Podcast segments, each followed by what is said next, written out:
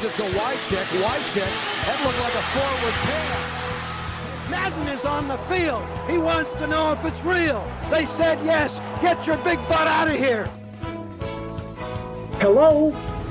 You play to win the game.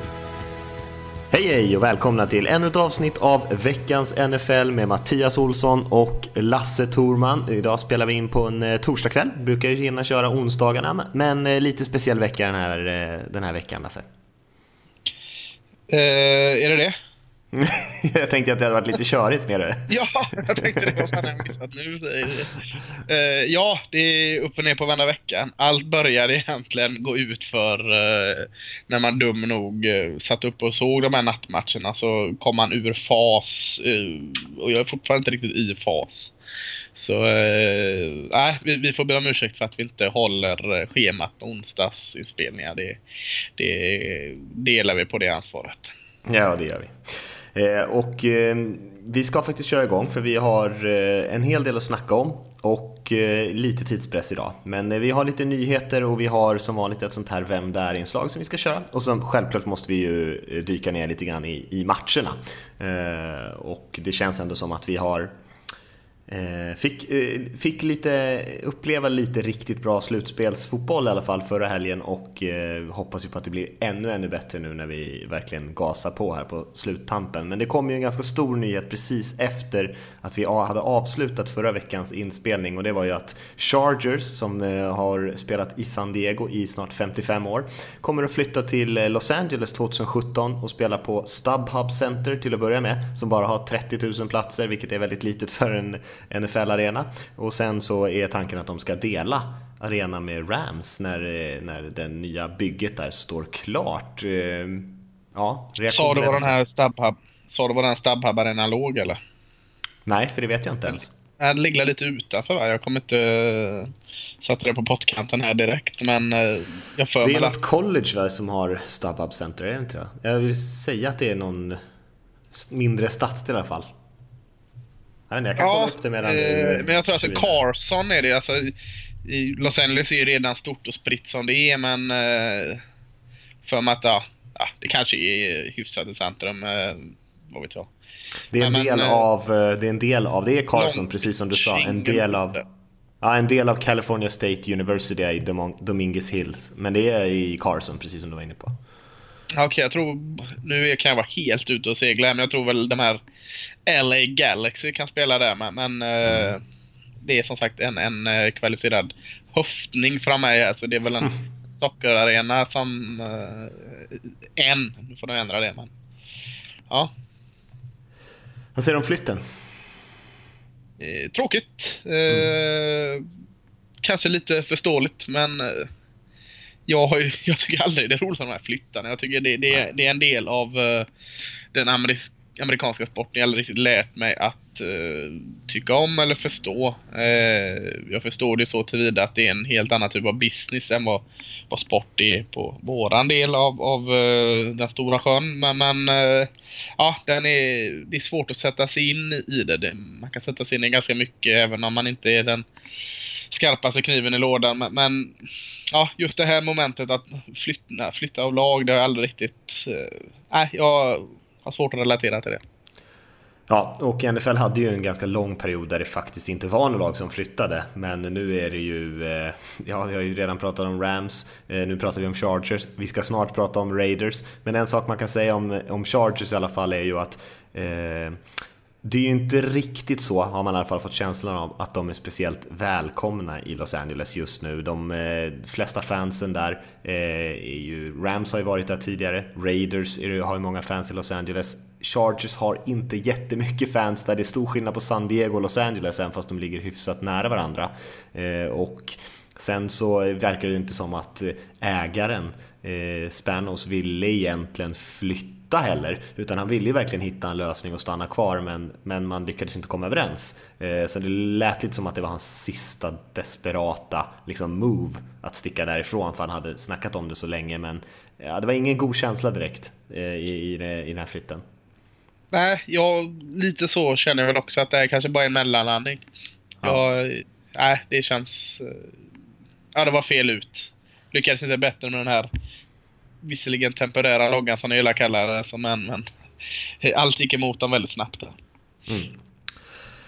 Och då kommer vi då till Oakland Raiders som vi har pratat om tidigare. De har ju, det kom lite rykten eh, redan i förra veckan men nu verkar det som att de officiellt har lämnat in papperna på om man får flytta till Las Vegas. Eh, den ansökan och eh, när man väl har kommit så långt så finns det väldigt mycket som talar för att det också kommer Eh, gå i lås så småningom. Eh, men vi får se, allt är ju inte klart men eh, att de har kommit så långt är ju oroväckande för fansen i Oakland i alla fall. Ja, eh, copy-paste är mitt eh, förra svar om San Diego Chargers där.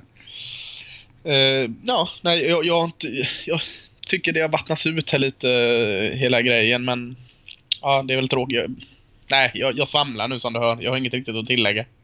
Nej, eh, det är väl ungefär samma sak som med Chargers där. Det är det är alltid tråkigt eh, när lagen flyttar, eh, särskilt för fansen på plats och även för, det finns ju många Raiders-fans och Chargers-fans i Sverige som kanske har ändå någon typ av relation och det blir ju väldigt annorlunda när lagen liksom byter stad, byter logga och allting liksom förändras så. Så eh, vi får se om Raiders verkligen kommer iväg i, i slutändan. Men eh, de har ju fått väldigt mycket uppvaktning i alla fall ekonomiskt, från eh, Las Vegas.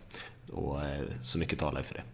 Mm, jag, kan bara, jag kan bara blicka tillbaka när, när vi satt en sen kväll i Austin här nu senast och shottade tequila med ägaren av Texas Chili Parlor som var ett Oakland-fans utan dess like. Han, han sa att skulle de flytta till Las Vegas så skulle han köpa fem stolar där direkt och, och även hyra en lägenhet till Las Vegas. Han var helt överlycklig. Alltså, han gillar det alltså? Han gillade det så in i Han var, han var snällt sagt brötig den här gubben. Mm.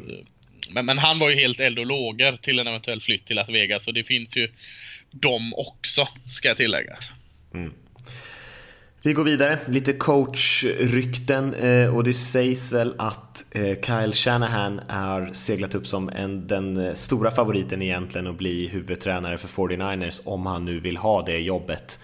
Och man gör ju den här, som jag nämnt tidigare, general manager och tränar intervjuerna parallellt, vilket är ett intressant knep. Så det betyder ju att deras general manager-kandidater intervjuar eh, huvudtränarkandidater trots att ingen egentligen är anställd och man vet inte riktigt vem som representerar vem. Men eh, det är i alla fall sättet de har valt att göra det på. Och eh, Shanahan är väl den, eh, den som just nu sitter i förarsätet där och eh, säkert får det här jobbet om han vill ha det. Ja, det är väl trendigt och klokt val liksom. Han har, mm. Du ser ju bra Atlantas offensiv har ett par år här nu varit eh, bra nära på att vara elit. Och i år blev de elit och i år har McKenna gjort ett fantastiskt bra jobb. Så eh, som offensiv koordinator, eh, kanon, tummen upp. Eh, sen är den här huvudtränarfrågan alltid en het potatis men pappa Shannon kan säkert hjälpa han och, och eh, om man nu är intresserad och blir huvudtränare någon gång, varför skulle han inte vilja vara i San Francisco 49ers? Alltså de, han kommer in i ett lag som eh, ska byggas upp från grunden. Det kan inte vara höga förväntningar på han dag ett. Det är ett, ändå ett, ett av de mest klassiska lagen i, i NFL med eh, förhoppningsvis en eh, satsande ledning som kanske får lite rätt sida på saker och ting med, med bort med gammal general manager. Så att, ah, jag tror det, det är ett ganska bra jobb att få. Bra läge att ta över 49ers. Mm. Och det var faktiskt alla nyheter vi hade Lasse. Vi ska inte eh, dra ut på det. Eh, utan vi ska faktiskt hoppa direkt in och köra vårat Vem Där-inslag som vi brukar göra. Och eh, som sagt, in, inte mycket press på dig den här veckan efter mitt eh, fullständiga magplask eh, förra, eh, förra onsdagen när jag tog den på en poäng. Så eh, du kan nog slappna av rätt mycket den här veckan känns det som. Ja, det är farligt. Jag är väldigt, väldigt avslappnad så jag eh, hoppas jag tar den på en poäng.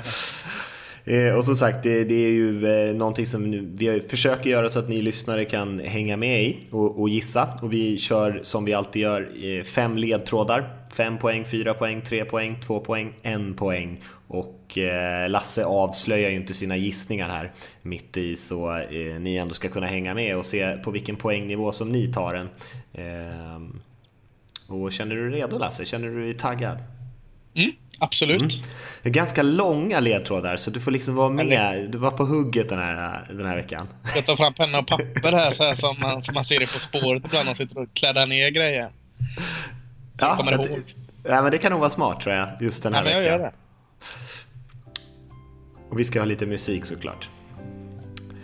Ehm, och det är alltså en profil vi letar efter. Eh, som har någon anknytning till NFL då såklart. Och eh, vi börjar på fem poäng Lasse. Hans mellannamn är Charles och han föddes samma år som serien MASH lades ner, som Microsoft Word lanserades, som McNuggets såg dagens ljus, som Africa med Toto släpptes och Redskins vann över Dolphins i Super Bowl. Vad sa du sista? Vilka vann över vilka i... Eh, Redskins vann över Dolphins i Super Bowl samma år som den här personen föddes. Han har ingenting med det att göra eller? Nej, det kan du inte säga. Det, är, det är ju, jag kan inte avslöja någonting här, Nej. men han föddes det året så det, det verkar ju lite osannolikt att han skulle ha någonting med det att göra. Jag, jag får inte ens säga, ge här ledtrådar. eh, Vad jag, alltså inte namnet, men hur jag... Jag ändå tror jag singlat in ungefär eh, vilket år det kan vara. Ge ett Ja. Och det, Ja, men det, eh, Början av 80-talet bör det vara om jag inte helt eh, ute och cyklar. Eh, tog jag självklart inte på Redskins Steelers utan jag tog det på att Toto på Word såklart. ja, nej, men jag, jag, jag har ingen aning men jag vet vart vi är. Föddes han då sa du? Ja, han föddes då. Mm, ja, Ska vi köra vidare på fyra poäng då? yes. Efter en imponerande high school-karriär var eh, tyvärr vår profils erbjudanden ganska få. Eh, han var inte särskilt imponerande fysiskt, men han eh, valde ändå att gå vidare och spela på ett community college, samma skola som Larry Allen faktiskt, faktiskt också gått på. En, en av dina favoritspelare vet jag Lasse. Ja, verkligen. Det, men det ger ju mig ingenting. det här är ju skitsvårt. Nej, jag. Eh, Kan inte ta ledtråden igen? Jag var helt... eh, Ja, eh, efter en imponerande high school-karriär var vår profils erbjudanden från stora college då eh, relativt få. Eh, och han var inte särskilt imponerande fysiskt och det var därför han inte fick så mycket erbjudanden. Men han valde dock att gå vidare och spela fotboll då på ett community college som är samma skola som Larry Allen också gått på. Så eh, ledtråden, är, ledtråden här är väl egentligen community college där och, och kanske någonting med fysiken om man, om man gillar den delen också. Mm, nej, men då, nu, nu är jag med. Tycker du jag ska gå vidare eller vill du smälta någon sekund? Nej, gå. Jag, jag, Jag går, jag går, vidare, jag går vidare på tre poäng. Eh, väl, när han väl började spela på det här community college där han spelade då, så drog han väldigt mycket uppmärksamhet till sig tidigt och han fick faktiskt chansen att spela på ett stort college i sin hemstat. Och han draftades faktiskt i första rundan så småningom. Tyvärr inte av laget som eh, fanns i hans hjärta, eh, utan istället hamnade han i en situation som kändes ganska rörig just då i alla fall.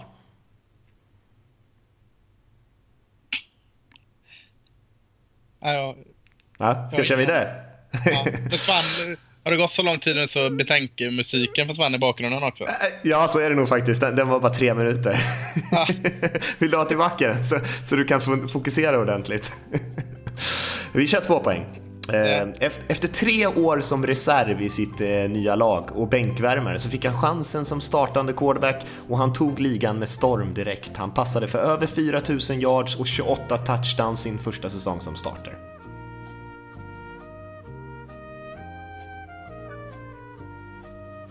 Ska vi ta, ska, ska vi ta runda med en poäng då? nej, jag, tror, jag, jag, jag tror jag kan veta eh, här nu, men... men ja, nej, men kör, Ja. kör. Jag Vi tror kör jag har den på två. Ja, men det är bra det. Vi kör sista här. Idag är han dyrkad av alla osthuvuden och eh, han verkar ha en särskild relation till eh, heliga Maria. Många hävdar att han är den kanske bästa quarterbacken genom tiderna. Ja, Mm. då, var, då var det... Du hade rätt alltså.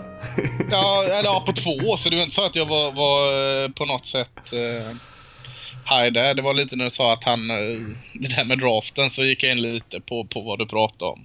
Mm. Eh, och vi pratar såklart om... Det, det är Aaron Rodgers som pratar om här, det, det är Aaron Rodgers vi pratar ja, om. Jag visste faktiskt eh. inte. För gick inte Larry Allen... Jag tror det är sån här... Nu kan jag vara fel ute, men Sonoma State. Nej, det här, de gick faktiskt på Butte College, heter det. Eller Butte stavas det. Butte, ja, det kan det varit att han hamnade på ett annat college där sen. Va? Det, det, visste jag ju faktiskt inte. Cal eh, tänkte jag ju på han. Mm. Ja, femman, och fyran, ja, femman och fyran var riktigt, riktigt svåra där. Då skulle man liksom ha känt till att han gick på ett community college. Eh, men eh, trean tycker jag att du hade en chans där ändå när han inte blev draftad av det laget som han hejade på. Han gick i, i första rundan men inte direkt då uppenbarligen. Och så hamnade han i en ganska rörig situation där med Brett Favre som direkt egentligen gick ut och sa att eh, jag tänker inte hjälpa den här unga killen att utvecklas liksom för att han ska kunna ta mitt jobb och sådär. Eh, och det är på det tre poäng? Ja, det var på tre poäng där. Ja, försvann jag då? Jag hörde inte alls de ledtrådarna. nu haglar ursäkten här. ja, nej, jag trodde det var på tvåan. Det var då jag började tänka på det när du började prata om detta. Men... Nej, men då kom vi in på det här med att han faktiskt satt på, eh, på bänken de första tre åren eh, innan han fick ja, chansen att starta. Jag satt säker på det. Ja. Ja, den var, den var bra. Den var, för att vara så aktuell eh, alltså, så var det inte lätt att ta den. Kanske därför han blir svårare. Jag tog Levan ja. Bell förra veckan. Man vågar inte ge upp så mycket mer liksom för att eh, för att eh, avslöja det. Det är lättare med Roger Godell och, och slänga ut lite mer ledtrådar ja. man kan knäppa det på. Ja, så är det. Det är sant. Om man tar en väldigt stor profil så blir det lätt lite klurigt. Ja, men vi hoppas att ni, eh, att ni hängde med där hemma och, och tog den eh, relativt tidigt. Eh, som sagt, Aaron lite Rodgers. Besviken på, lite besviken på att du inte tog med hans uh, lillebror där som var med där, Bachelorette. Eller det borde jag verkligen ha gjort faktiskt. Det har du ja. verkligen Ja, då hade jag tagit det direkt. Det. Jag tänkte på hans familjerelationer och sånt där, men jag tänkte det kan man inte riktigt ta med förrän kanske på tre poängen där, för det kanske Nej. blir lite, lite väl tydliga ledtrådar sådär eftersom det har varit så mycket skriverier. Men ja, Nej, men jag tyckte du gjorde helt okej okay ifrån det Lasse. Den var inte lätt på de där första där. Um... Rub it in var det ju.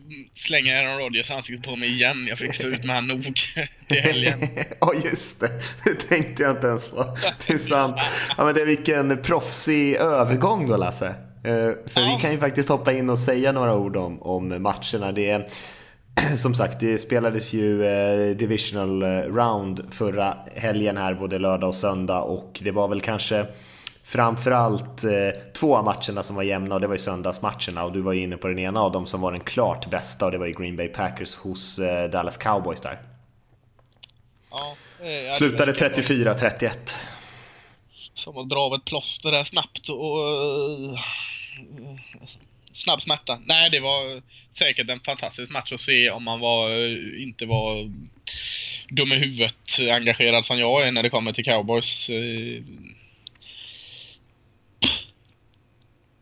Packers startade fantastiskt bra. Mm. likväl som eh, Dallas såg ut att de hade vilat en vecka och vilat sina spelare veckan innan. Såg inte alls redo ut för det här försvaret. Eh, ska inte vara deras styrka på något sätt men eh, innan har de ändå levt lite på att de, över, eller de presterar bättre än vad alla CS sa innan. Nu presterar de precis så dåligt i början av matchen som, som många trodde innan säsongen. De såg inte alls vakna ut. Eh, och då är det jättestor press på offensiven eh, som kanske såg mer mänskligt ut i början av matchen. Ah, sen har alla sett matchen, de kom in i det mer och mer och mer, gjorde det eh, sjukt spännande till slut. Eh, men jag tycker helt klart är Green Packers eh, värde att vinna den matchen. Eh, framförallt Aaron Rodgers och hans offensiva linje. Det är de två, de två enheterna som, som vinner denna matchen. Eh, inget snack. Nej, och det var lite synd egentligen att, eh, tycker jag, att Dallas försvar inte kunde spela lika bra som de gjorde i andra halvleken i den första. Eh, man hamnade i ett ganska tidigt underläge. Man var ju klart mycket mer konservativ i sina försvars Eh, eh, taktik, sin försvarstaktik då, man vågade inte skicka så mycket blitzers och sånt där. Eh, och det är ju många som hamnar i den situationen mot Aaron Rodgers för han är så atletisk, han flyr pressen och så skapar han gigantiska stora passningsspel som är jättejobbigt att åka på. Men om man inte skickar en extra blitzer och såna här grejer, då ser vi ju hur länge han står där bak och får söka spelare och då spelar det egentligen inte så stor roll hur bra eh, markering man har om han, om han står och får eh, liksom, eh, leta, leta en öppen receiver i 6-7 sekunder. Eh, så man blev lite mer aggressiv i andra tycker jag och då fick man tydlig press på dem. Jag kollade på Jason Garretts eh, avslutande presskonferens från eh, när han pratade om den här säsongen som har varit och han var inne på det lite grann också. De hade ju, jag tror nio serier, Cowboys. De gjorde ändå poäng på sex av sina serier. Eh, var tre stycken touchdowns, tre stycken field goals tror jag. Eh, så att man var ju ändå ganska effektiva offensivt. Eh, det var ju bara det att Green Bay kanske var ännu mer effektiva. Ja, och så kan man säga att alltså, eh, jag älskar Ron Marinelli, defensiva koordinator i Cowboys, så jag lägger ingen skugga på honom på något sätt. Men, men det var ju som du sa, det tog nästan till slutet av andra halvlek att eh, ens våga testa och, och göra något annat än stå bak och avvakta. Och sen i början av eh, andra halvlek så gick de åter tillbaka till det lite fegspelet i försvaret innan de på nytt började gambla mer eller mindre. Alltså både offensiven och försvaret var tvungna att börja göra något för att liksom komma ikapp. Eh, för först, min första reaktion efter förlusten var ju att eh, ja, jävla flyt de har Green Bay som vinner på den här sista jävla passen. Eh, en mm. liten gamble-pass ut till eh, Tarenden där. Men, men, den flyten hade ju även Cowboys när de hämtade upp här för då, då spelade de högriskspel på högriskspel som, och det gick väldigt mycket in väldigt mycket, de hade väldigt mycket flyt med sin sida Cowboys med. Så jag, jag tänker absolut inte säga att Packers hade flyt. De hade säkert, de, jag tycker fortfarande de hade lite flyt. Bra gjort av Aaron Rodgers och, och jättefin mottagning av, vad heter den gamla Rams tight Jared Cook. Ja, just det. Jättefin mottagning. Jag säger inte att det är flyt i någon av de momenten, men, men det är lite flyt att, att hitta den, att inte Dallas försvar är där alltså. Eh, men, men, och det var det. Men Cowboys hade flyt i stort sett hela andra halvlek med sina vågade spel. Bra att våga spela de spelen, men det kan lätt gå åt andra hållet också. Så eh, nej, jag tycker det självklart är jättetråkigt att mitt Dallas åkte ut. Eh, eh, kan inte säga något annat, men, men eh, Green Bay, retsamt nog måste jag säga att Aaron Rodgers är värd den berömmen han får från den här matchen. Jag, jag eh, var skittrött när jag läste all beröm om Aaron Rodgers dagen efter matchen. Jag tyckte det var... Slängde det åt helvete. Jag hade kunnat men...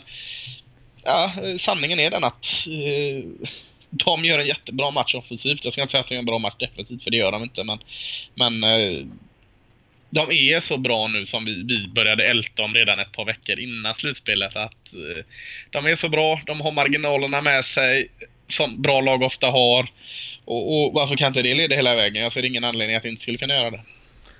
Ja, och jag, jag, tycker inte att det är så mycket skillnad på de här två lagen i kvalitet. Alltså Cowboys är också ett mycket, mycket bra lag. Det var två riktigt bra lag som möttes. Packers vann den här gången. Det kunde mycket väl ha gått åt andra hållet. Ehm, och det här vill inte du höra Lasse kanske, men Cowboys hade ju faktiskt chansen att vinna den här matchen också. Ehm, man var ju på en serie där i slutet av matchen, man hade en tredje och tre tror jag eh, som man inte lyckades konvertera. Man eh, kickar ett field goal, sparkar tillbaka bollen och eh, Packers avgör istället.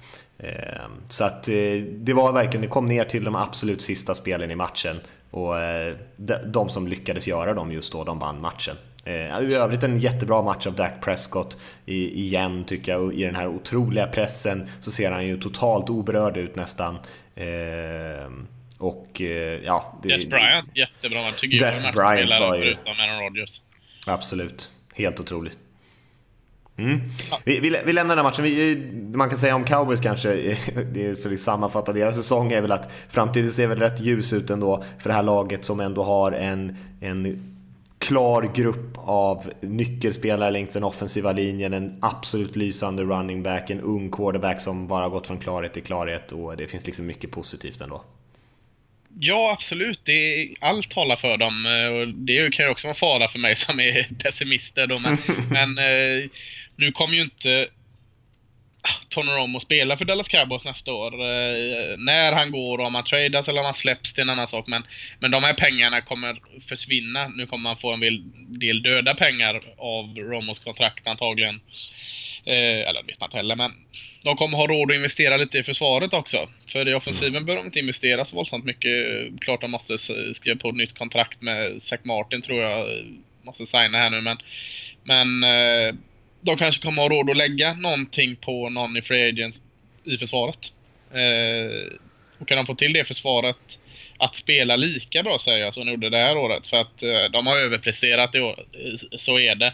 Men kan de hålla det nästa år genom att förstärka lite så finns det ingen anledning att tro att Dallas Cowboys inte ska vara den de var i år. Nej, jag håller med. Eh, vi hoppar vidare till eh, någon av de andra matcherna. Vi började ju lite mitt i där för att du var så bra på övergången. Men den första matchen som spelades var ju på tidiga lördagen var ju Seahawks Falcons eh, som kanske var jämn ett litet tag. Eller ett tag var den jämn.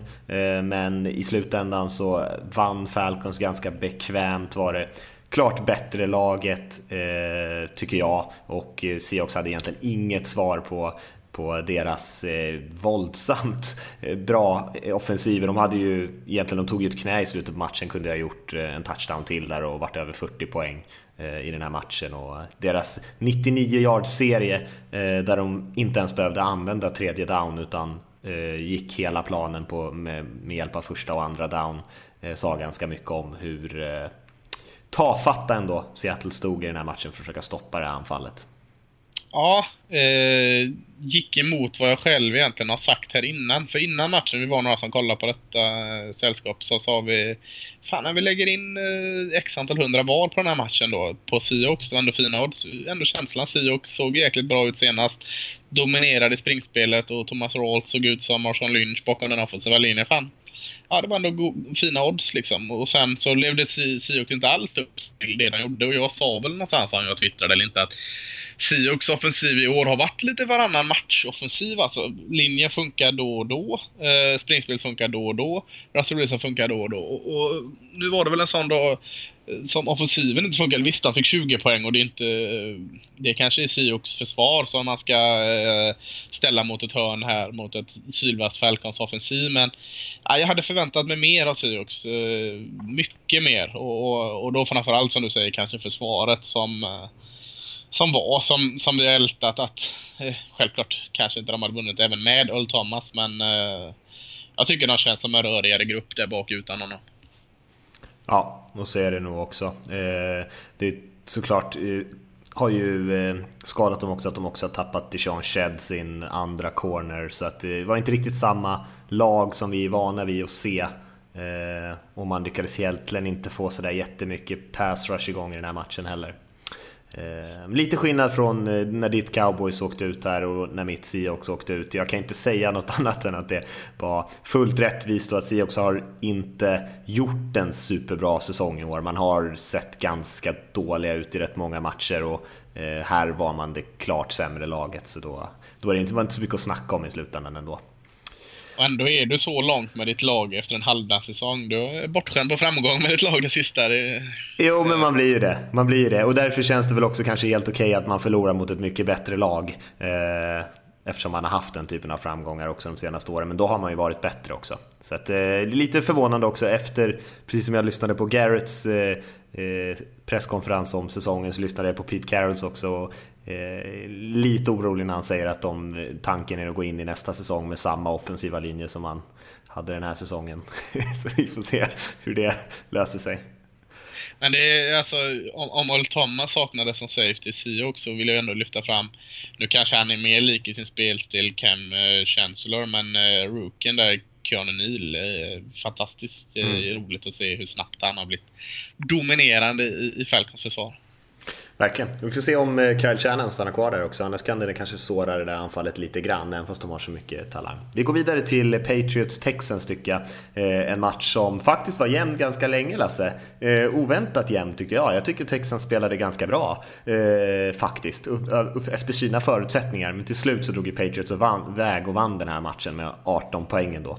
Eh, men man, man gjorde det man kunde jag, jag satt upp och såg den här matchen och har inte sett den efter det. Så att eh, det är lite i en dimma här. Jag var väldigt eh, inte redo att kolla match då. Eh, på tok för trött för att och, och liksom fokusera på matchen. Jag försöker mest fokusera hålla mig vaken. Så jag har väl ingen skarp analys att dra. Eh, Eh, jag konstaterade att jag tyckte Brock Osweiler i alla fall inte var bra. Han gjorde inte, följde inte upp en, en, ganska lovande match senast med någonting annat än en, en pissmatch. Eh, tyckte väl egentligen ingenting i, i Houstons offensiv var, var något vidare bra. Det är ingen nyhet att det är försvaret det som är bra. eh, kändes ändå hela tiden som Patriots hade det. De hade kontroll på detta. Även att Texas kom nära stundtals. Tom Brady behövde inte, var inte heller bra. Alltså, behövde inte heller vara bra. Kanske tveksamt. Julian Edelman där tycker jag var eh, jättebra i offensiven. Helt klart. Men eh, kändes inte att de behövde vara så bra New England. Och det är inte att klanka ner på Houston Texans. Det är nog kanske för att lyfta upp eh, hur bra New England Patriots är. När de har en halvdag vinner de ändå med 34-16 i, i en eh, divisional round. Ja, så är det ju. Och eh, precis som du är inne på, även fast eh, Brady kanske hade en eh, dålig dag här, så eh, när Brady har en dålig dag så är det ju fortfarande eh, bättre än Brock Osweilers bästa dag. Eh, så eh, nej, Osweiler eh, tyckte jag såg ut som en, en halv katastrof till och från, vilket han har gjort stora Eh, långa stunder under, eh, av sin den här första året som, som startande quarterback. Eh, och jag tror att Texans måste på allvar börja kolla efter andra alternativ. Eh, för att, eh, ja, det är ju en long shot just nu att han ska lyckas vända det här, tycker jag i alla fall. Eh, alltså, det- han kanske inte kommer vara på den här nivån av eh, ett misslyckande. Han kommer kanske utvecklas lite grann, men det är ingenting som man kan lita på direkt. Nej, nej. Nej. Jävligt mycket pengar där i bara. Det är svårt att bara vifta bort. Ja, det är ju det. Man har ju satt sig i en ganska jobbig situation. Vi hoppar vidare till eh, den sista matchen som spelades på söndag natten. Där var ju Steelers-Chiefs. En lite underlig match som Steelers vann med 18-16 utan att kanske något lag riktigt sådär eh, superimponerade. Le'Veon Bell som vanligt, eh, en stjärna, kom ju ut. En hel del kritik mot eh, Alex Smith efter den här matchen som det brukar göra. Han har ju, han har ju varit bra i slutspelet annars som vi, som vi har nämnt, som vi nämnde förra veckan. Men eh, missade ju en del öppna receivers och eh, vågade väl helt enkelt inte eh, slänga de där långa bollarna och, och körde sitt safe-spel och det funkade inte riktigt. Nej, jag tycker... Eh, en ganska bra spännande match var det. Eller bra vet jag inte. Spännande var det i alla fall. Eh, jag eh, säga. Steelers eh, tycker jag... Hur ska jag säga det? Alltså det var det mest eh, allround jag har sett Steelers vara år. Alltså jag tyckte de var... Jag har fortfarande mer jag väntar med Ben Roethlisberger. Eh, gör en del bra men, men, Ja, jag, jag väntar mig mer av honom också. Men alltså Le'Veon Bell, vad sprang han för? 150 plus yards. Eh, Fick efter springa sjukt mycket men Antonio Brown gör det bra. Han Jesse James, jag vet inte om han är rookie eller om det är andra året. Tyrenden där tyckte jag gjorde det bra. Och så har du Steelers försvar. Tycker det är skitbra. Eh, Mm. Kändes som båda var i synk. Det var enda som var lite ur synk var Ben Roethlisberger. Eh, så, så det var, det var en... Eh, kul att se dem att hela Pittsburgh eh, Steelers, eh, nu har jag inget minne av hur special team såg ut men, men att hela eh, Steelers såg så bra ut samtidigt. För alltså, Visst, eh, Kansas fega offensiv, det är ju det. det. Det är så de bygger sin framgång. Alex Smith kommer inte vara den här eh, gunslingen. Men, men det är på något sätt visste man. Och, ja, det de kanske måste ha äventyrat lite mer. Kanske måste ha tagit lite mer eh, svåra eh, kast i offensiven. Men- försvaret tyckte jag såg bra ut stundtals. De gjorde vad de kunde mot alltså... Nej, Steelers eh, på bred front vann den här matchen skulle jag säga. Och eh,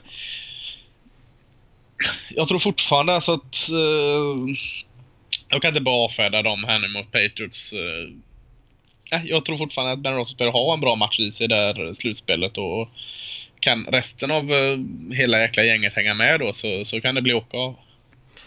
Ja, och eh, några saker man kan notera är ju Steelers bra med en, en stabil kicker, vinner ju det här med sex field goals utan någon touchdown. Eh, han sätter alla, hade han missat något av de sex så hade de ju inte vunnit den här matchen, åtminstone inte som den eh, slutade nu. Eh, och eh, sen kan man ju också säga, vi pratade om Alex Smith och Ben Roethlisberger här. Men Spencer Ware har 35 yards som eh, Chiefs leading rusher. Le'Veon Bell har 170 yards. Eh, Att han är precis... sprang nog 20 plus gånger mer också. Så det, Ja, jo visst, men, men att ha det stödet av sitt springspel har ju. Roethlisberger en, en fördel såklart. Och eh, nu har ju Bell, jag tror han har, han snittar nog 170 yards per match här i slutspelet ungefär. Jag tror han har 337 yards på två matcher nu rushing. Eh, Så han är ju på väg mot en relativt historisk playoff-framgång här, så som han har levererat hittills. Ja, det är bra jäkla imponerande. Ja, det är det verkligen. Och med det sagt, vi kanske inte behöver nörda ner oss. Det man kan säga om Chiefs där, det är väl att eh, kanske till skillnad från många av de andra lagen som vi pratar om, kanske inte har Eh, Eh, de har ju kanske ett mer mixat lag när det gäller ålder på deras, eh, de har ett par veteraner som de är fortfarande väldigt beroende av samtidigt som de har ett par unga spelare men det känns ändå som att om Andy Reid blir kvar då kommer vi få se ett ungefär likadant Chiefs nästa säsong också. Ja absolut. De har en del unga, ett spännande alternativ offensivt som måste klicka ut lite mer. Eh, han, Tarek Hill, där vad de kan hitta på med honom. Han såg inte alls så, så spännande ut den här matchen men och försvaret är ju starkt alltså, men, men det, det är ju åldersmän där så du måste nog bara hitta ersättare också. Det är... Nej, jag... jag... Uff, det är svårt att säga vad Chiefs står nästa år, redan nu. Ja, ja. D Ford ska man ju säga har ju gjort ett bra år, även Chris Jones, eh, rookien, har ju spelat bra. Så att de har ju ett par unga spelare, det är klart de har. Men eh, fortfarande några som, eh, som inte kommer vara där för alltid, som de lutar sig på lite grann. Och inte minst Alex Smith och quarterbacken. Eh, ska vi hoppa vidare Lasse och prata om eh, conference-matcherna, de som kommer här i helgen?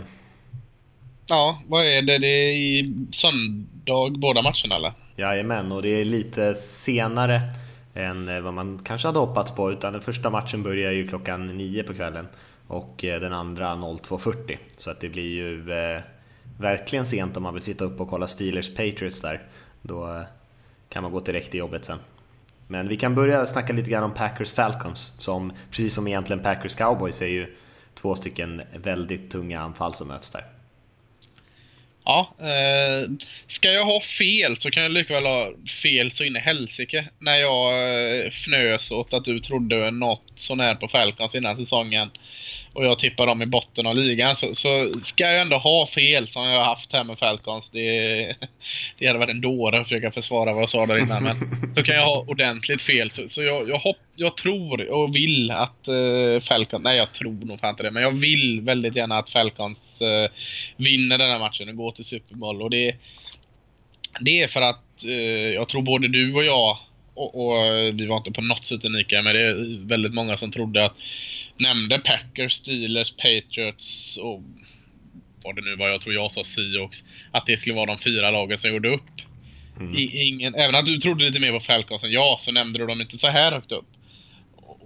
Jag tycker alltid det är roligt. Visst, det är Steelers, Packers, Patriots är anrika lag och det är klart det är klassiska matcher när de möts, men jag tycker ändå det är roligt med lite sådana uppstickare, en underdog som ändå Falcons är här. Jag hade velat ha dem i Super Bowl. Jag hade velat ha det här att det inte alltid är eh, den här dominansen av, av eh, fem lag eller sex lag eller vad det är. Så att, eh, jag får köpa mig hem någon Falcons-flagga och sitta och heja på dem resten av slutspelet i varje fall. Men, men vad jag tror om matchen, det, det är ju i, eh, i Georgia och, och Georgia Dome i Atlanta där. Så de har i alla fall hemmaplansfördel, men, men det hjälpte ju inte Dallas särskilt mycket. Så ja, Packers är ju så jäkla form nu, Packers offensiv, så att... Ja, det, det blir väl liknande matchbild som Packers Cowboys kan jag tänka mig. Och, det låter väl rimligt. Ja, alltså det är ju jättesvårt att se hur något av de här två försvaren ska lyckas stoppa det andra lagets anfall. Eh, jag tror ändå på något sätt att Falcons kommer vinna den här matchen och det känns ju jättedumt när man säger och tippa emot Aaron Rodgers när han spelar som han gör just nu. Eh, men samtidigt med Ryan, alltså... Rodgers lyfts till skyarna så in i helsike. Matt Ryan har lyft skyarna en del, men, men fan, han är ju nästan lika het Matt Ryan, eh, om inte lika het. Ja, han var ju helt otrolig mot Seahawks. Gjorde en jätte, jättebra match. Ehm, så att absolut, det är han. Eh, men Aaron Rodgers är ändå Aaron Rodgers på något sätt. Matt Ryan är väldigt, väldigt bra. Eh, men han är inte Rodgers ändå i slutändan. Även fast han kan spela på den nivån i perioder. Eh, men, men jag tror att de har mer i Falcons. Packers försvar är sämre än Falcons försvar skulle jag säga. Och jag tror att Falcons anfall, de har fler vapen. Nu är jag kanske lite färgad för jag såg dem spösskiten ur Seahawks här nyss. Men jag tror ändå att de kommer bli väldigt, väldigt svåra att stoppa. Och Packers kommer säkert hänga med för de kommer säkert ösa in poäng också. Ehm, men eh, de känns inte riktigt lika stabila. Det känns inte som det kan hända någonting där ehm, som gör att man kanske bara hamnar något hack efter och sen så kommer man aldrig riktigt ifatt. Kanske precis som cowboys eh, som också liksom var två lag som kan i stort sett göra hur mycket poäng som helst och det handlade bara om vem som fick det där lilla försprånget eh, och kunde hålla det matchen ut. Ehm. Hur mycket tror du en sån sak som vana att ha varit i de här matcherna spelar in? Till exempel Packers med eh, Aaron Rodgers och company har ju varit det förr. Och hur mycket kan en sån sak spela in? Tänk om man ska jämna ut att eh, Atlanta har hemmaplan. Så kanske Packers kan lyfta upp kortet att de har varit det förut. Fast, eh, ja, jag vet inte. Falcons har spelat många slutspel. Matt Ryan har spelat många slutspel. Eh, de har inte varit så jätteframgångsrika. Nej, men inte så här långt in liksom. Alltså, alltså att det, nu är det en match ifrån den, den där roliga helgen i Houston. Mm. Nej, det är eh, kanske inte lika ofta i den här situationen, men Packers har åkt ut ur slutspelet de senaste åren på ganska brutala sätt. Eh, Falcons har ju varit där också och inte lyckats kanske vinna alla gånger, så båda de här lagen har ganska lik historia. Sen har ju såklart Packers vunnit en Super Bowl med Aaron Rodgers, eh, men det är inte så många av de spelarna kvar. Sen snackar vi också om att det är skadeproblem på Jordi Nelson, Davante Adams, egentligen deras två bästa receivers. Båda har brottas med skador just nu, man är inte säker riktigt på vilka som kommer till start. Eh, Julio Jones hade i och för sig en liten skada mot Seahawks, även han. Eh, men eh, det känns ändå som att de har mer att spela på där, en bättre bredd. Eh, mm. Men det är ju jämnt såklart, det är otroligt jämnt. Men min magkänsla säger bara att Falcons anfall kan bli svårstoppat. Har du något att tillägga? Tänk, klurar. Klurar. Men eh, behöver jag klura så här länge så kommer jag antagligen inte komma på det. Så vi, vi vandrar djupare in i natten och uh, tar oss till Foxborough och, och Steelers uh, Patriots. Mm. Spontant. Vad säger jag tror, du? Jag tror Patriots vinner. Um, Ja, det är Bill Belichick, det är Tom Brady. Eh, de är hemma. Eh, supersvårslagna hemma. Jag tror det vi såg förra veckan var definitivt inte det bästa Patriots vi kommer att få se. Ehm, men det är intressant för det är två lag som är bra på nästan allting. Steelers försvar som du nämnde har ju inte fått så mycket cred men har ju spelat jättebra. Anfallet jättebra, offensiva linjen är uppe där och utmanar cowboys och Packers som den bästa i ligan. Patriots bra på också alla lagdelar egentligen. Tom Brady som den liksom stora ledaren. Men jag tror bara Belichick som skimar ordentligt inför den här matchen. Eh, man spelar på hemmaplan, ger dem en liten, liten fördel. Eh, men även i den här matchen kan man ju se eh, Steelers vinna. Även fast jag tror Patriots vinner. Men ah, vilka conference-matcher det är egentligen när det är så här mycket tveksamhet när man sitter och pratar om dem. Men det känns verkligen knappt som att något lag har en liten edge. Då är det ju intressant alltså. Ja, vet du vad? Det är alltså en ganska tråkig analys, men, men eh, jag hade inte kunnat göra den bättre själv. För att det är, det, det är inte, alltså, och börjar så att säga Belichick, Tom Brady, hemmaplan, New England Patriots. Alltså det är jättetråkigt, alla säger det, men man kan ju inte sväva ut och hitta på saker som inte finns där. Alltså analysera varför Patriots är bra är ju inte roligt, för man har om och om igen säger man detta. Och det är ju en styrka i sig, så att även om analyserna blir ganska stela och, och inga revolutionerande nyheter, så är det ju så det är. Patriots är ju tråkiga på det sättet att de är alltid jävligt slagkraftiga på samma jäkla grej. Mm. Eh, så, så eh, tråkigt, ja, visst, men, men eh, galet jäkla imponerande av dem. Eh, det jag vill lyfta fram då i matchen är det jag sa om Steelers förra matchen. Att jag aldrig sett dem, eller aldrig ska jag säga, det var, jag har inte sett dem allround så mycket som jag såg dem förra matchen. Och kan Ben Roethlisberger liksom kliva ut. Han, han har ju jättematcher i sig. Det, det, har ju alla sett. Eh, det behöver man inte följa Steelers och gilla Steelers eller gilla Ben Roethlisberger för att säga att Ben Roethlisberger har gjort helt magiska matcher och det var inte så att han gjorde det fem år sedan. Han har gjort magiska matcher eh, nyss. Så att eh, kan han ha den dagen och kan resten av Steelers ha den dagen som de hade sist så eh, kan mycket väl Steelers vinna. Men, men jag håller med dig helt. Jag tror också New England eh, tar det. Och jag tror att de tar det på grund av den tråkiga analysen som, som man alltid drar om eh, Patriots. Mm. Ja, eh, och eh, jag tror vi kommer få se en stor dag igen här från Patriots running backs där White och Dion Lewis. Alltså att de är de här vapnen som kommer ut och fångar passningar samtidigt som man kanske kan springa bollen lite grann med dem. Eh, lite X-faktor för dem. Och sen så är det ju Levion Bell som kanske är den stora eftersom Big Ben ändå inte har haft de här eh, riktiga stora matcherna på senaste tiden så är det ju Bell som är deras farligaste hot. Och det tror jag i och för sig att Belichick inser. Och får se väldigt intressant hur Patriots försvar riktar in sig på att stoppa Bells. För jag menar, det är ju också verkligen en klyscha att säga det här med Belichick, att han tar bort det som du gör bäst och sådana där saker. Eh, men det är ju en tydlig prioritet för dem att liksom tvinga dem att göra saker som kanske inte har funkat så bra. Och då är väl frågan om man inte utmanar Big Ben i luften här. Och eh, så som han har spridit interceptions om sig i år så kan jag ändå tänka mig att det blir en eller två sådana för honom. Men eh, han, som du säger, har haft fantastiska matcher och han måste nästan ha en sån match tror jag, om de ska vinna mot Patriots här. Och eh, självklart kan han ha det. Eh, men oddsen säger mig ändå att, att Patriots är det stabilare gänget här. Ja, det är en annan sak som kanske talar emot Patriots, eller det vet jag inte om det gör, men nu letar jag efter saker som talar emot dem. För att det är ju roligt att försöka hitta sådana. Men alltså Packers har Aaron Rodgers som just nu är superhet, hetare än eh, vanligt trots att han är bra vanligtvis också. Så han är sjukt het just nu. Mm. Eh, Atlanta Falcons har en sjukt het Matt Ryan just nu. Betydligt hetare än vad han vanligen är. Le'Veon Bell, jättebra oftast, men han är i sjuk het form just nu också. Patriots har de någon sån som är sjuk het form. Tom Brady det är Tom Brady, han är bra, men de har inte den där Wow, han är helt jäkla, han är... Allt han gör blir rätt här just nu. De har inte den eh, som jag kan hitta. Det är också en sak. Sen, sen kanske det också en styrka när man vänder på det att Patriots behöver inte den utan de har 22 man plus special teams som, eh, och, och, och, och rotationsspelare som gör det bra. Men, men, bara någonting som gör att Patriots sticker ut från på någon, någon, form av negativ spin från de andra fyra är att de andra tre lagen har just nu en spelare som presterar på absolut topp. Eh, Patriots kanske inte har det. Vilka skulle du helst se i Super Bowl om du får välja? Ja, Falcons då självklart eh, för att det är roligt. Jag tycker det är roligt med eh, få in nya lag där. Eh,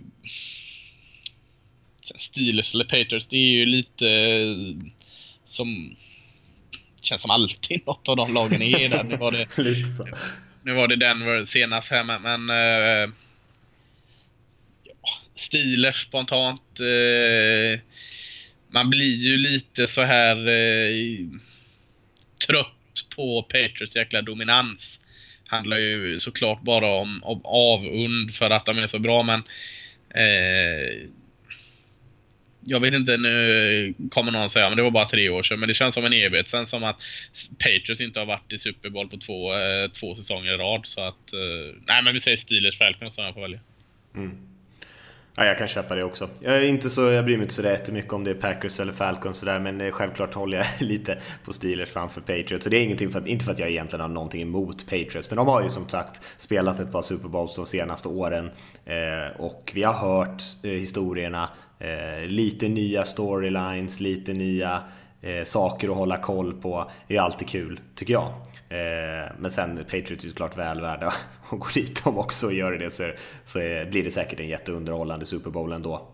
Eh, men vilka fyra lagen då tycker jag, det eh, kan mycket väl hävda att det är kanske de fyra bästa lagen. Kanske skulle ha slängt in Cowboys där, men tillsammans med Cowboys kanske de bästa lagen som vi har sett den här säsongen. Och det är inte alltid så när man kommer till det här stadiet. Packers första halva. Nej, det var ju tveksamt. Alltså, det kan man alltså, Men eh, efter det att de ryckt, tog sig i kragen så absolut. Mm. Jag håller med. Och stekheta lag som du var inne på också. Ja, det är det ju verkligen. Mm. Ja, det ska bli kul hur som helst. Eh, det kommer nog luta mig tillbaka utan att egentligen känna någon så här jättestor eh, stor, eh, oro för vem som vinner eller förlorar utan bara försöka njuta lite grann av de här, den här fotbollen. Det är inte så många matcher kvar den här säsongen. Det är bara de här och sen är det faktiskt lite vilovecka som i och för sig känns lite skönt alltid innan Super Bowl eh, och sen så, så smäller det med den stora matchen där i, i februari. Mm. Så vi ska hoppa vidare faktiskt Lasse. Eh, vi har sagt allt om den där känns det som. Och eh, jag vet inte om vi tycker att vi ska säga någonting om eh, college-matcherna. För du, du eh, sa ju det att folk gärna fick gå tillbaka och, och kolla på eh, collegefinalen. Tycker du att vi ska säga något om den eller är det liksom utspelat? Det är ju egentligen utspelat, men vi kan ju säga det för alltså, att kul att jag fick lite gehör att folk faktiskt gick in och kollade på den matchen frågade vart man kunde se den. Jag hoppas alla som såg den var nöjda.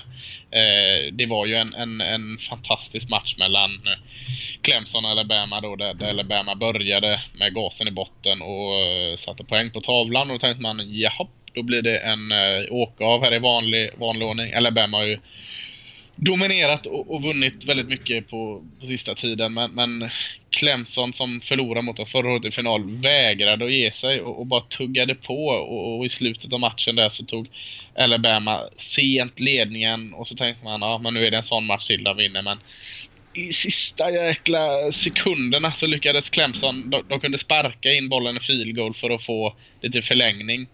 Eh, men, men de lyckades, jag tror det var fyra sekunder på klockan när, när eh, kommer jag inte ihåg vem, vem vilket Clemson-spelare det var som fångade, skitsamma. Eh, lyckades fånga den i, i endzon och avgöra och det var ju helt eh, magiska scener man såg och scenerna efter i, i Clemson i South Carolina där var, var jättekul. Det var andra gången någonsin de har, har tagit, eh, kunnat kora sig nationella mästare här så att nej, det, det, var en fantastisk match. Jag vet inte, har du sett den än?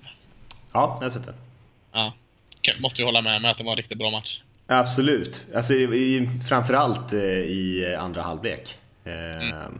Så drog det ju verkligen igång. Men det är ju på något sätt det där som man vill se. Det är så där matcherna ska avgöras. Eh, nu var du ju på fel sida i Cowboys-Packers-matchen. Men det är liksom, det är de där stunderna på något sätt man sitter och väntar efter att det liksom ska avgöras i, i absolut slutet liksom. Ja, det, det, vi kan nämna nu då innan vi lämnar college, och det, det går ju hand i hand med eh, NFL, att det, nu är ju de här, eh, just nu håller den här Shrine-veckan på som avslutas med Shrine Game. Någon form av, eh, eh, för att göra det enkelt, en All-Star-match mellan eh, college-spelare som spelat nere i Florida. Eh, går på NFL Network tror jag, eller det gör det rättare sagt. Eh, så är man lite intresserad av vad lagens, eh, ens NFL-lag ska välja eh, så kan man få väldigt mycket tips och favoriter att hoppas på till draften som kommer senare i vår. Och om någon snedstreck några veckor så börjar det här Senior Ball nere i Mobile Alabama. Eh, en vecka också med, där man får följa när de tränar framförallt. Det tycker jag är roligare än själva matchen som avslutar. Att, eh, där brukar också NFL Network visa väldigt mycket från att eh, man får se olika övningar och se de här eh, talangerna eh, träna på olika moment. Och, och, och får en blick vad som komma skall med draften.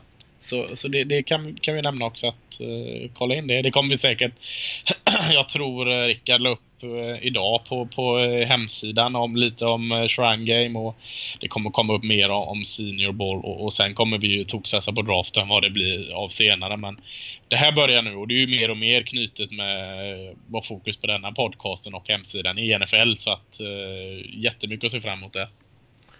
Ja, jag kan bara instämma i det. Vi har eh, ganska spännande planer där för, eh, som du säger, försöka täcka draften på ett eh, roligt sätt. Och försöka göra det liksom tillgängligt till alla så de kan hänga med och lära känna några av de här spelarna och vara, vara med och diskutera liksom vad ens lag kan behöva för att vara med och konkurrera nästa säsong och sånt. Ehm, så det är spännande tider framöver tycker jag. Och sen ska man ju nämna det också om man inte hänger med. Vi har ju Samuel Wretman är ju en svensk spelare som precis eh, har vi pratat om, är, har eh, gjort en sån här early enrollment till Rutgers. Eh, så om man vill hänga med lite hur det går för honom så kan man ju kolla in Rutgers fotbolls Twitterkonto där jag har sett att de har skickat ut en massa grejer med, med Samuel som en av de liksom storvärvningarna kan man väl kalla det så här tidigt i, inför nästa college-säsong och off-season. Offensiv linjeman. Mm, precis. Med det sagt Lasse, så mm. går vi vidare. Så tar vi några yes. frågor här på slutet. Eh, och då är det podcast nflsupporter.se om man vill eh, mejla in en fråga. Går bra att skicka på Twitter och sånt där också, men eh, mejl är alltid bäst. Och då har vi en fråga från Simon som skriver Hej, tack för en väldigt bra podcast. Som skins-supporter känns det ju tråkigt att tappa OC Sean McVay som lett en stark Redskins offensiv de senaste säsongerna. Spännande att han får jobbet som HC i Rams, endast 30 år gammal. Hur tror ni det går? Är han för ung? Frågar Simon. Ja, eh, vet inte hur mycket han... man ska... Han har inte så mycket erfarenhet oavsett om han är ung eller gammal så han har inte varit huvudtränare något annat och han har inte haft så mycket eh, koordinatorjobb innan heller. Han har ju poppat upp väldigt sent och eh, man ska inte ta från att han har gjort ett bra, lag, eh, bra jobb med Washingtons offensiv men, men eh, ja, han saknar erfarenhet i alla fall. Så, så, så, det kan man hålla mot honom. Betyder ju inte att han kommer misslyckas som huvudtränare, absolut inte men men, men den biten saknar han absolut. Han får ju med sig bra med erfarenhet här i Wade Phillips, defensiva koordinatorn i Broncos. Kul är det ju på något sätt tycker jag. Jag, jag kan absolut inte backa att det, det här kommer bli succé. Det, det hade varit eh, en höftning från min sida. Men det ska bli roligt intressant att följa eh, en så ung, alltså den yngsta eh, tränaren både i college och NFL tror jag. Vad, vad han kan göra med så lite erfarenhet. Och, men ändå, han har ju ändå någon form av medvind just nu. Så eh, jag vågar inte säga om det blir succé eller fiasko. Men, men eh, jag tycker i alla fall det ska bli kul att se vad det brann. Ja, nej, jag kan bara instämma. Jag tror man, känner, man, känner, man vet för lite om honom för att säga något om det egentligen. Men som du säger, han har fått in Wade Phillips där, före detta headcoach som också eh, har väldigt mycket rutin. Han, eh, hans pappa är en gammal general manager. Eh, så han har ju på något sätt växt upp inom liksom den professionella fotbollen lite grann. Eh, så förhoppningsvis har han plockat upp en massa grejer som han kan använda nu eh, eftersom han saknar den här erfarenheten. Men det kommer nog bli mycket att tänka på för han. Eh, så att man får kanske ha lite tålamod. Eh, vi tar en fråga från Andreas här. Eh, hej där! Verkar som att Eli har lyckats föra sitt Giants till Super Bowl-seger som wildcard-lag två gånger, dock inte i år då. Frågan är hur ofta detta har hänt tidigare, alltså att ett wildcard-lag har gått hela vägen och har slutspelet alltid sett likadant ut under den så kallade Super Bowl-eran de senaste 50 åren. Alltså 12 lag till slutspel, ha det gött, skriver Andreas. Tror bara att eh, Giants faktiskt vann Super Bowl ett gång, en gång som wildcard-lag va? Eh, inte helt säker på det, men jag tror att det var 2007 som de gick vidare som wildcard-lag. Ja, jag, jag. Jag för mig att de halkade med på ett bananskal även 2011. Mm, kanske. Men de kanske vann en svag division då, vet jag. Men, men mm. äh, ja. Ja, nej, det är inte helt vanligt, men inte helt superovanligt heller. Det tror jag att det har hänt något halvdussin gånger eh, att ett lag har gått hela vägen från att ha kommit vidare till slutspel på en wildcard-plats. Och det har inte alltid sett likadant ut. Eh, jag tror att det är från 90-talet eller något sånt där som man har haft 12 lag. Eh, innan dess var det 10, så var det mindre och mindre och ju längre man går tillbaka i tiden. Eh, och det har ju inte alltid varit lika många divisioner i NFL heller. Och innan det, innan han snackar om innan Super Bowl-eran så var det ju eh, bara en conference, eller det var bara en liga innan det blev en sammanslagning där. Så det har förändrats över tid. Mm. Har du något att tillägga Lasse? Nej, jag tror du har rätt där med att de inte var wildcard 2011. För jag tror Packers var det sista laget som vann eh, från att ha varit ett wildcard-lag 2010. Så, eh, mm. ja, men rätta oss om vi har fel. Ja, men de kan nog ha vunnit sin division som du säger, en ganska svag division. Det låter mer bekant faktiskt. Men mm. det var ändå oväntat. Båda gångerna de vann var relativt oväntat. Eh, vi tar en fråga från Johan istället. Hej igen Lasse och Matte. Vad är det för väska kudde som en del receivers har hängande i ryggslutet? Till exempel har man sett Antonio Brown, Des Bryant och Odell Beckham Jr med en sån i år. Är det samma typ av handvärmare som quarterbacks använder ibland? Frågar han.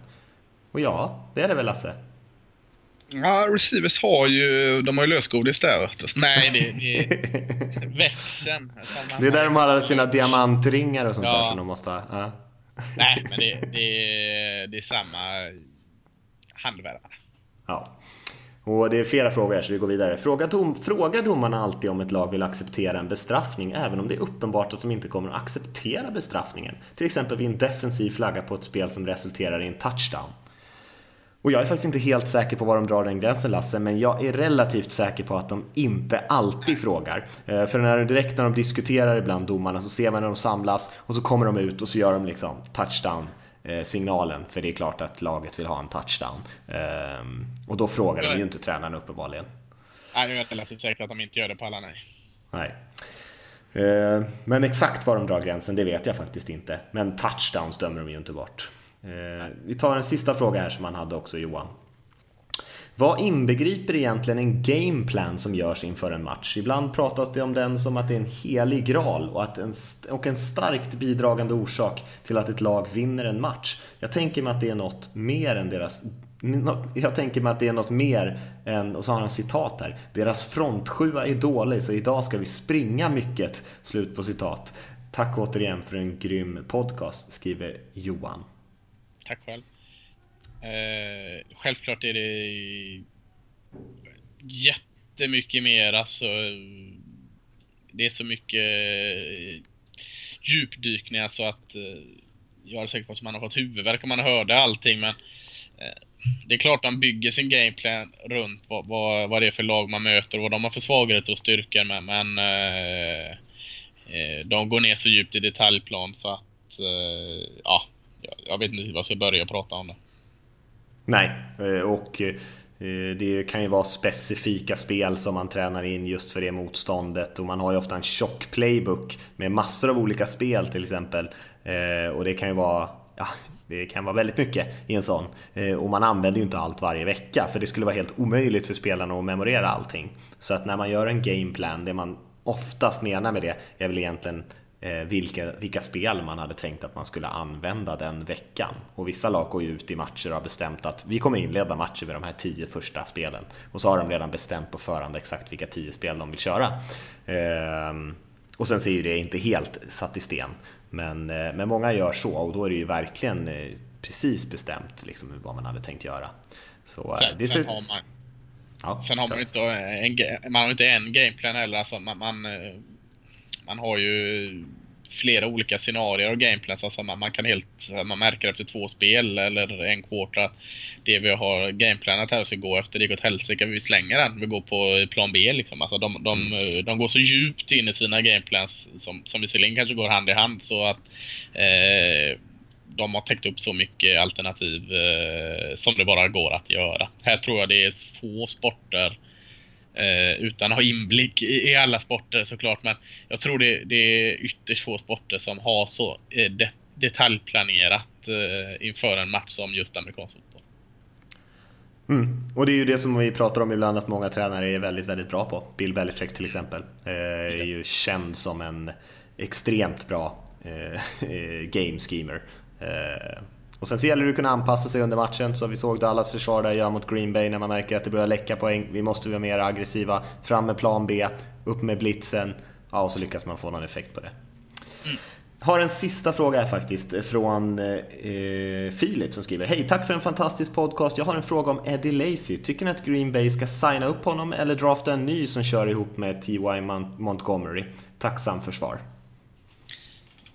Jag tycker man ska satsa på en ny. Mm. Inte varför. Eddie Lacy känns som han är gjord. Ja, han är ju relativt bra när han spelar, men han har ju haft eh, bekymmer. Det har ju varit uppenbart att man inte har kunnat lita på honom på ett tag i alla fall. Eh, så man måste säkert ha någonting mer att kunna luta sig mot i alla fall. Eh, sen får man väl hoppas att Eddie Lacy kan komma tillbaka till gammal form. Men det är alltid jobbigt om man inte har en bra bredd där. Eh, som sagt, podcast nflsupporter.se om ni vill skicka in en fråga. Eh, annars rundar vi av Lasse. Ja, det tycker jag. Ja, ni får ha en bra helg allihopa när ni ska kolla på de här conference-matcherna. Eh, känns som på förhand i alla fall att det kan bli rätt fantastiska matcher. Eh, och eh, vi hoppas på det. Och så eh, hörs vi väl i nästa vecka förhoppningsvis och då är det ju i alla fall lite lugn och ro innan eh, Super Bowl. Ska försöka hitta på någonting kul där och köra med två sista Bara prata Pro Bowl. Bara Pro Bowl. Pro Bowl-analys hela nästa yes. vecka. Gameplan för Pro Bowl. Va? Eh, den är i alla fall inte så avancerad, det kan jag garantera. Eh, men vi, men vi säger så för den här veckan och så får ni ha det bra allihopa och njuta av matcherna.